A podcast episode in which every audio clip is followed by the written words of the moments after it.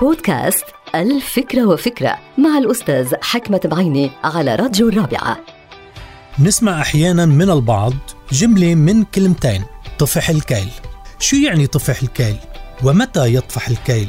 وهل لكل شخص كيل يختلف عن كيل غيره من الناس؟ الجواب نعم لأنه الكيل هو مقدار أو سعة وكل واحد منا لديه مقدار من رجاحة العقل وسعة من رحابة الصدر. وفي هذا السياق يقال عن شخص ما أنه عقله كبير وسعة صدره كبيرة. العقل الكبير نعمة كبيرة والصدر الواسع نعمة أكبر. ما بيقدر أي إنسان أنه يتحمل الشقاء والعذاب إذا كان في كيل صغير في عقله. ومن المستحيل أن يتحمل الإنسان صعوبة التعامل مع الناس مثلا ما لم يكن كيله واسعا وعقله راجحا. فالكيل لا يمتلئ بسرعة إلا مع المستعجلين ولا يطفح كثيرا إلا مع المتهورين. فاصبروا ولا تتسرعوا اصبروا على الكيل ولو طفح. انظروا إلى حجم هذا الكيل في مخيلتكم.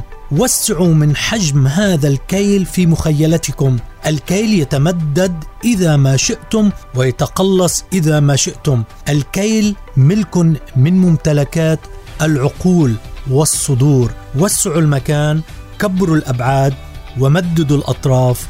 انتهت الفكرة. هذه الحلقة مقتبسة من كتاب الفكرة وفكرة.